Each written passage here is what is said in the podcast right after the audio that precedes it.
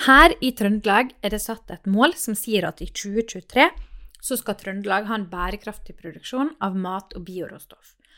Men hva betyr det, og hvordan jobbes det med det her? For at noe skal være bærekraftig, så må det jo være bra for klima og miljø og sosiale og økonomiske forhold. I dag står aktiviteten fra hele matsystemet for om lag 21-37% av det totale menneskeskapte klimagassutslippet. Om alle i verden skulle spise slik som vi gjør, så måtte det ha vært 67% mer dyrka jord på planeten enn det er i dag.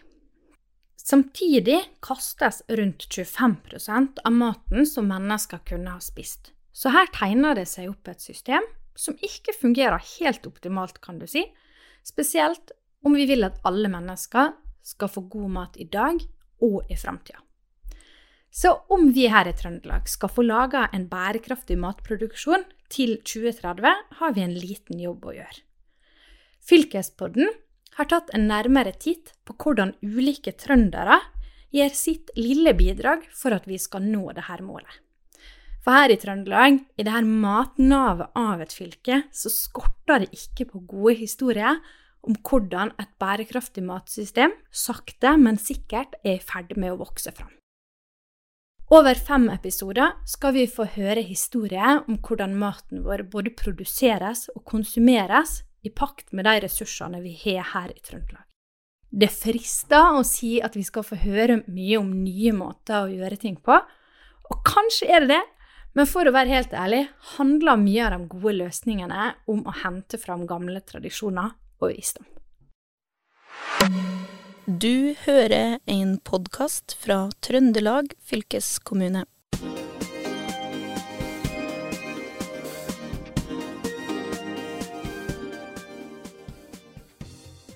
Aldri før har så få produsert så mye for eh, så lite, heter det seg når teaterforestillinga Bondetinget nå ble satt opp på eh, Det er dokumentarteater, det er politisk, og det handler om landbrukspolitikk. Jeg har med meg regissør Torkil Sandsund her i dag for å få høre litt mer om denne forestillinga, som har gått eh, på Vestlandet og i Møre og Romsdal til eh, stor, eh, stor suksess. Men hva er det egentlig det her handler om? Så Torkil, velkommen til oss. Takk, takk. Hyggelig at du kunne komme. Jeg, må jo si, jeg blir jo veldig fascinert når jeg hører at her er det liksom dokumenta politisk dokumentarteater om landbrukspolitikk som har blitt kjempepopulært mm. på Vestlandet og i Møre og Romsdal. Hva er det det her handler om? Altså, det er de viktige, mener jeg, fortellingene om Norge.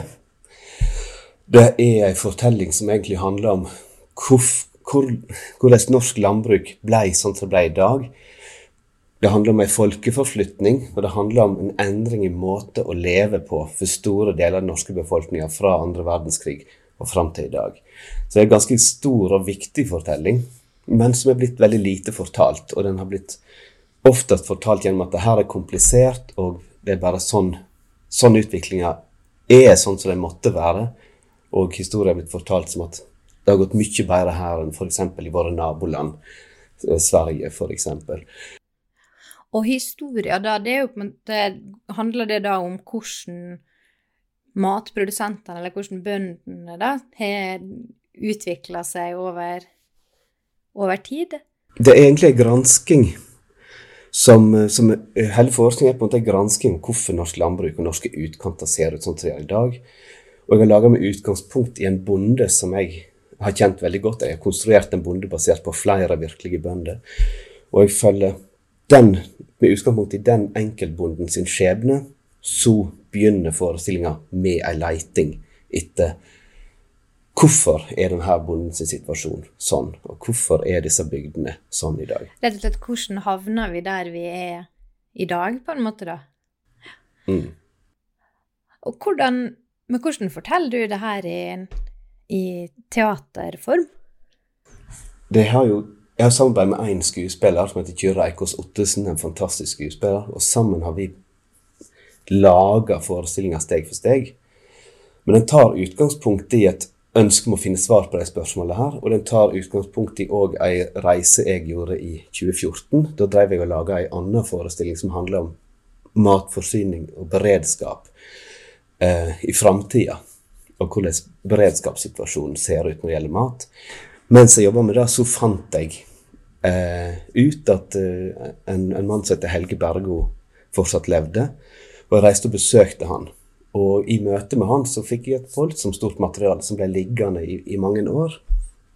Men egentlig så er den historien fortalt gjennom et møte med den gamle Helge Bergo, og der jeg parallelt med samtalene med Bergo har en slags undersøking for å finne ut om det han sier, stemmer, eller finne ut bakgrunnen til det han sier. Finne stortingsvedtakene, finne proposisjonene, finne samtalene. Og, og jeg har leita i veldig mange taler som har blitt holdt. Så det er en nøyaktig og grundig analyse gjennom at veldig mange eh, eh spiller en eh, 19 forskjellige roller, tror jeg, i stykket og der forskjellige viktige aktører i norsk landbruk fra før krigen til i dag kommer til orde med sine egne ord. Og tittelen er Bondetinget. Hvor, eh, hva er det som har gitt opphav til tittelen? Det er flere ting, da. På et ting så skal man jo eh, eh, Et ting er både en dømmende og lovgivende forsamling. Med et ting så samles man for å drøfte en sak. Eh, men òg i Bondetinget så er det jo i 1939 Da var Helge Bergo 16 år, og da var han fra store Bondetinget på Voss. Og, møtte, og der han hørte talen av Johan Melby, som var den store lederen av Bondelaget. Helt fra starten. Han var ikke den første lederen, men han tok over nesten med en gang og leia Bondelaget i hele, helt opp til 1945. Og så, så, det er en plass vi er. Vi er I løpet av forestillinga så blir vi med den 16 år gamle Bergo og møter han på det store bondetinget. Og vi får høre hvilke verdier og tanker som Bondelaget hadde før krigen. Seinere så får vi møte andre eh, viktige bondelagsledere og andre viktige aktører som, som, da kan få komme. Og vi kan følge gjennom de her talene og disse debattene hvordan tankemåten endrer seg, problemstillingene endrer seg, og dilemmaene endrer seg for de forskjellige viktige aktørene. Den historien, hvordan ser situasjonen ut på starten av historien som forestillinga tar for seg, og, og hva er forskjellen på der vi er på starten og der vi er på slutten? Altså, Forestillinga starter og begynner i, i nåtida, men gjennom forestillinga får vi da en annen eh, innsikt. Og så blir vi med Bergo og, og møter de forskjellige karakterene, som sagt. Den store mistanken i starten av stykket er jo en følelse av at norske bønder har blitt lurt til å tro at de må legge ned fordi at de mislykkes som bønder.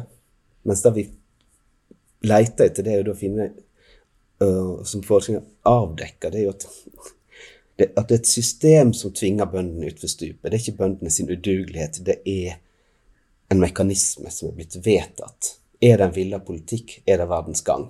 Det er, er, er debatten. Så eh, ganske tidlig i forestillinga så møter vi jo f.eks. Einar Gerhardsen og eh, Halvard Eika.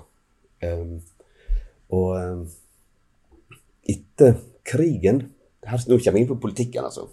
Ja, og det er jo politisk teater. ja. Før krigen så jobba Bondelaget med å få til noe som heter jamstillingsvedtaket. Eller jamstilling.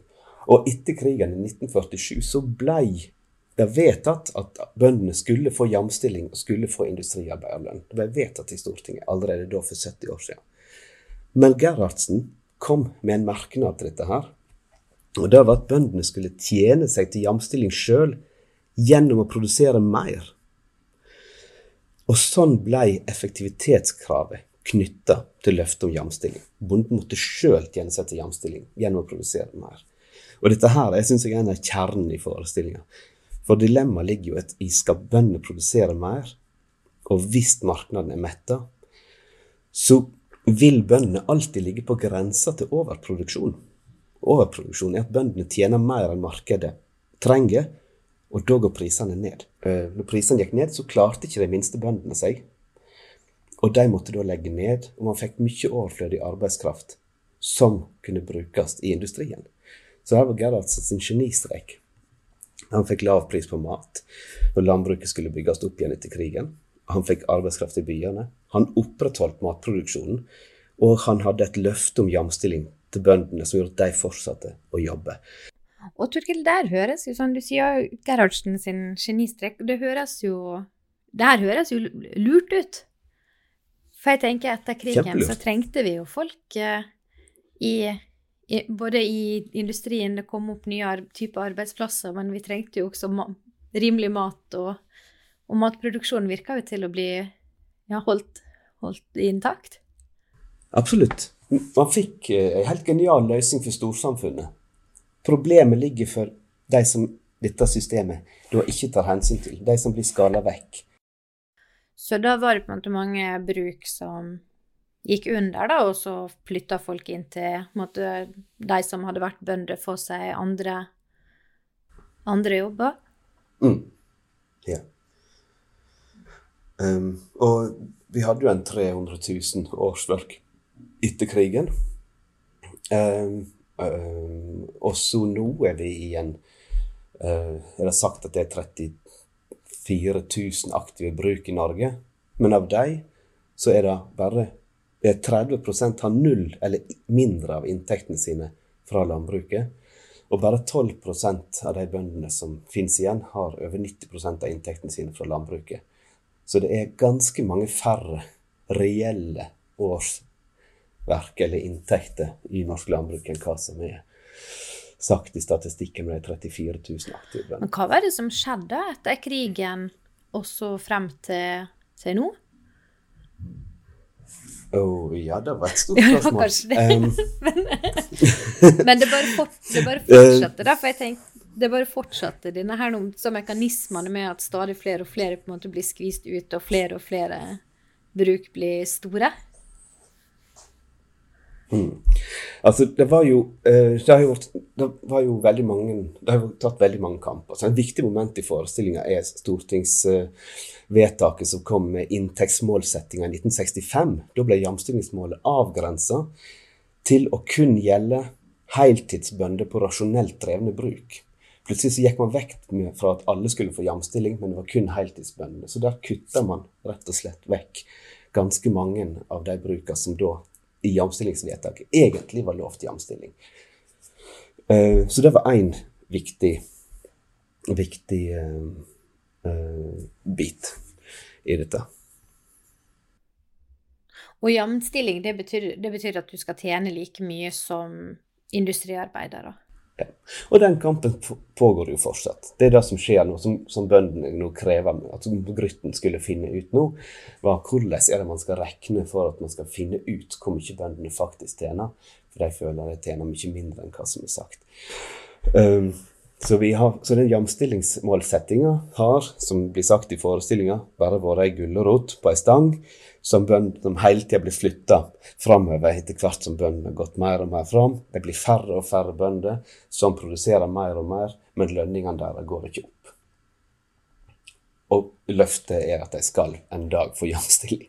Men 70 år seinere så har det fortsatt ikke skjedd. Selvfølgelig finnes det unntak med noen storbønder som tjener veldig bra, men som, som Grytten òg sier, de fleste bønder de tjener eventuelt litt greit fordi at de har inntekter utenfor landbruket. Men den tradisjonelle bondekulturen er vekke, og bygdene er blitt utarma. Fra ved 25 bruk på en bygd, så har det blitt til fem, og nå er det kanskje én bonde igjen som skal holde oppe et bygdesamfunn. Og da har vi Da klarer ikke man å opprettholde eh, skoler, eh, butikker og bygdesamfunn blir lagt ned.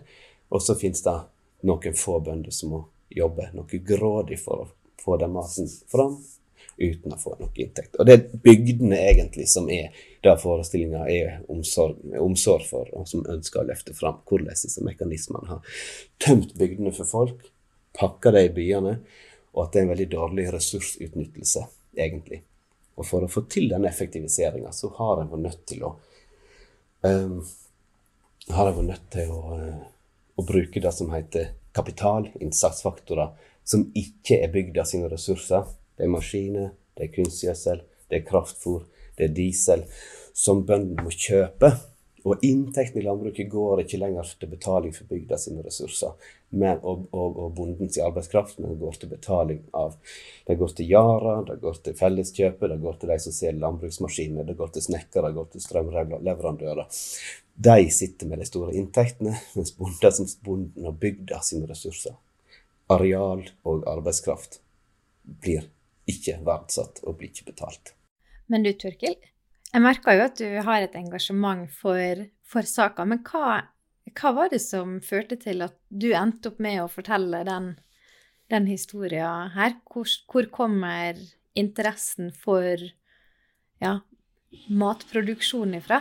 Ja, jeg er jo teaterregissør som fag, men jeg begynte min lille yrkeskarriere som avløser da jeg var 14 år. Og jobba på flere gårder og så forskjellige gårder, og så at det her kan ikke være rett. En kan ikke jobbe 16 timer dager uten å sitte igjen med noe. Og nå, nylig så var vi da, som en del, en del av forskningen, at jeg var og feira 80-årsdagen til en venn av meg, som da betalte siste avdraget på lånet sitt til en gard som var totalt avleggs og utrangert eh, når han var 80 år. Eh, og da, da ser man at økonomien og betalinga for hans Man ser at det er et samfunn som jeg bor i ei vil jeg si tidligere landbruksbygd. Her er det bare noen få bruk igjen uh, i hele kommunen som er store nok. Og flere bygdesamfunn har mista skoler og butikker. og det, det er jo der engasjementet ligger. Vi må finne ut hvorfor det ble sånn, og vi må finne ut hvordan vi skal snu det. Skal vi kunne bruke til landet? Stortinget har vedtatt at en skal ha landbruk i hele landet. En skal ha liv i bygdene. Bøndene på bakken på gulvet vil det samme. Men bøndenes representanter, bondelagene, både Småbrukarlaget og, og, og Bondelaget, samvirker, Forhandlingsinstituttet, regjeringa, som sitter mellom Stortingets ønske og folkets ønske. Det er noen mekanismer der som gjør at det uansett blir annerledes enn det Stortinget har vedtatt. Hva type publikum er det du får på på forestillingene dine, da? Eh, tilbakemeldingene fra teatret var at det er litt sånn overraskende for deg. For ofte, det høres jo litt fordomsfullt ut, så er det eh, konene som bestiller teaterbillett, og mannen som blir med. Til denne forestillinga så har det vært veldig stor grad omvendt. At det er mannen som bestiller teaterbillettene, og, og konene som blir med. Og jeg sier at det er nådd publikumsgrupper som sjelden går i teateret. Det er ting som folk er opptatt av. De som kommer og ser dette, er ikke nødvendigvis opptatt av teater, men de er opptatt av saka. Um, og, eh, og ryktet rundt forestillinga har nok eh, spredd seg sånn at uh, folk vet at de kommer til å få faktabasert uh, uh, grundig informasjon som er vanskelig å finne sjøl, og at de får en historie som handler om, om deg og deres liv. Og siden eh, det her er jo politisk teater, og det blir jo sagt at ja, men kunsten har jo en rolle i den offentlige debatten og i samfunnsutviklinga. Hvordan, hvordan, ønsker du at eh, forestillinga nå skal påvirke den offentlige debatten knytt til matsystemet vårt? Ja, kan det nytte med teater? Eh, teateret har jo alltid vært en del av bondekulturen. Bondeungslaget har alltid holdt på med teater. Eh, så det er en viktig del allerede, men det er noe som kanskje har forsvunnet litt. Um, eh, vi begynte jo å spille forestillinger på de minste plassene. Ja, Den her turnerte i grendahus på små plasser, men den ble raskt plukka opp. Eh, så vi har jo blitt invitert. Vi har spilt på Så det viser oss at forestillinga har vekt en stor interesse. Og vi har blitt invitert til eh, Småbrukarlaget sitt eh, landsmøte i fjor. Vi har spilt på Ås for studenter der. Vi har spilt i, i Oslo på, i Bondeungdomslaget der i, samarbeid med Norske Teatret. Og forestillinga har fått invitasjoner faktisk fra samtlige fylker i Norge, der Teater Vestland har blitt spurt kan dere komme til oss og spille. Nå har han kun fått til eh, Møre og Romsdal og, og, eh, og Turnéteatret i Trøndelag. men eh, forestillinga er her, og jeg, jeg har fortsatt for stadig, jeg og teatret får stadig forespørsler om man kan komme og spille på en, eh, på en festival, eller i samband med et møte, eller i samband med en debatt, eller i Ja. Gratulerer. Så, så det er Takk, takk. Så det er ei forestilling som blir Som kan brukes. Og det morsomme på eh, på Småbrukarlaget sitt landsmøte, var jo at de spilte på fredagskvelden, og på generaldebatten på lørdag så var det iallfall en tredjedel til en halvpart av innleggene dagen etterpå som, som, eh, som peker på forestillinga og, og, og, siterte da eh, den, den, den fortellinga. Og det var òg sagt at her gir vi stående applaus til en forestilling som faktisk kritiserer vårt eget arbeid gjennom de siste 50-åra. Um, så, så, det var en forestilling som òg Småbrukarlaget følte seg ramma av, sjøl om den er laga litt i samband med Bondelaget sitt 125-årsjubileum som var i fjor. og Derfor er det Bondelaget som har fått mest fokus, kan du si. I, um, så er det en forestilling som, som, nok, som, som, peker i flere retninger av hvem som er hvilke mekanismer som har vært ansvarlige for dette. her. Ja, fordi at forestillinga mm. kritiserer Bondelaget og organisasjonene til bøndene, da, eller? Da, en peker iallfall på at uh, i hvilken grad er bøndene represent, godt representert av sine representanter? Formålsparagrafen til Bondelaget sier at en skal ivareta interessene eh, til alle som kjenner seg knyttet til bondeyrket og bygdene, økonomisk, sosialt og kulturelt. Og at eh, alle skal kunne leve godt i yrket sitt og i bygda. Eh, og det har jo ikke Bondelaget lykkes med.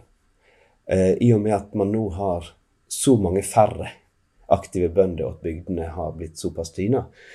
Um, og forestillinga peker på hva som skjer i 1950 med hovedavtalen, da Bondelaget går fra å være en ren lobby- og interesseorganisasjon, en fagorganisasjon, til å få den paradoksale rolla at den òg skal gjennomføre, framforhandle avtaler blant sine medlemmer. Hvis det er én ting publikum skal ta med seg, hvis du kan ønske deg én ting de skal ta med seg ut ifra når de går ut ifra forestillinga, Bondetinget, hva ønsker du at det skal være? Mm. Altså, det er jo forbrukeren som til sjuende og sist bestemmer. For meg er det sinnssykt vanskelig nå å handle. Å gå i butikken og finne mat som jeg syns er riktig å handle. Jeg finner nesten ingenting som jeg, jeg kan ete med god samvittighet. Uh, men, men, jeg prøver hele tida å, å Iallfall der jeg kan handle norsk handle ting som er produsert på en bærekraftig måte, så forbrukermakta er stor. Eh, man må ikke eh, Vi har jo snakket tidligere om overforbruket som var et problem. Det er ikke lenger det store problemet. Nå er overimporten, som Anders Norsted snakker om, et eh, vel så stort problem. Eh, og dette handler om våre vaner. Hva vi velger å ete, men òg hva som blir servert til oss. Eh, så skal vi ta ansvar for norsk jordbruk, så må vi ta ansvar for å, å, å, å handle mat som er laga på norske grasressurser, eller laga på norsk planteproduksjon. Beitedyr. Dyr som beiter, de flermaga dyra. Sau, geit, kyr. Som kan bruke norske ressurser. Det er en måte å ta ansvar ikke bare for oss sjøl, men for resten av verden. Så vi slipper å importere mat som andre trenger. Det er et ansvar for å være sjølforsynte, så må vi det. Men da må vi jo bruke forbrukermakta vår der. Og siden dere nå er i Trøndelag, så er jo Trøndelag en veldig viktig del av denne forestillinga her. Og det er jo når Helge Bergo, etter han har brutt med Bondelaget, blitt leder av Hordaland eh, Bonde- og Småbrukarlag, blir invitert til Hitra på det store møtet der i oktober 1975, der Hitra-bøndene setter ned foten og ser at deres livsgrunnlag er såpass trua. Det er så vanskelig å overleve som bønder. De ser at det blir nedlagt. og de vil faktisk gjøre noe med det, og de går til det skrittet at de går til skattestreik for, eh, for bygda si. Det er en veldig stor del av forestillinga. Har vært utrolig fin å, å, jobbe med. Jeg har fått mye kontakt med, med folk der oppe. Og, og eh, ja.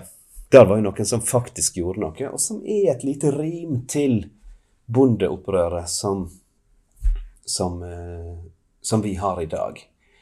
Hitra-bøndene kjemper for de minste bruka sin overlevelsesrett. Det landbruket de kjemper for, det fins knapt i dag. Nå er det eh, storbøndene som opplever akkurat den samme mekanismen som de opplevde. Det har bare gått lenger. De er færre igjen. Nå er det storbøndene som ikke klarer seg, eh, og som står i fare for å legge ned. Så det er, henger en sammenheng òg. Og fortellinga om Hitra-aksjonen og, og bondeopprøret er òg en del av det narrativet her. Hvordan småbøndene aksjonerte da, og hvordan storbøndene eh, aksjonerer nå. Og jeg tenker historia, den er der for, uh, for at vi skal kunne lære av den. Vi må begynne å runde av. Tida går ifra oss. Men det er kanskje like så greit, fordi uh, vi skal jo gå og se forestillinga også. Jeg tenker i hvert fall det. Kanskje ikke på premiera nå 5.11, for den er i Verdal. Tenker jeg kanskje skal ta noe som er litt Ta en av forestillingene som er litt nærmere hjemme. Men det skal være greit å få til, for Turnéteatret de turnerer i hele Trøndelag. Jeg heter Kjersti Bjørnevik og var dagens programleder i Fylkespodden Historier fra Trøndelag. Med meg som gjest hadde jeg Torkil Sandsund. Du har eh, hørt en podkast fra Trøndelag fylkeskommune. Hør flere episoder på Spotify eller trondelagfylket.no.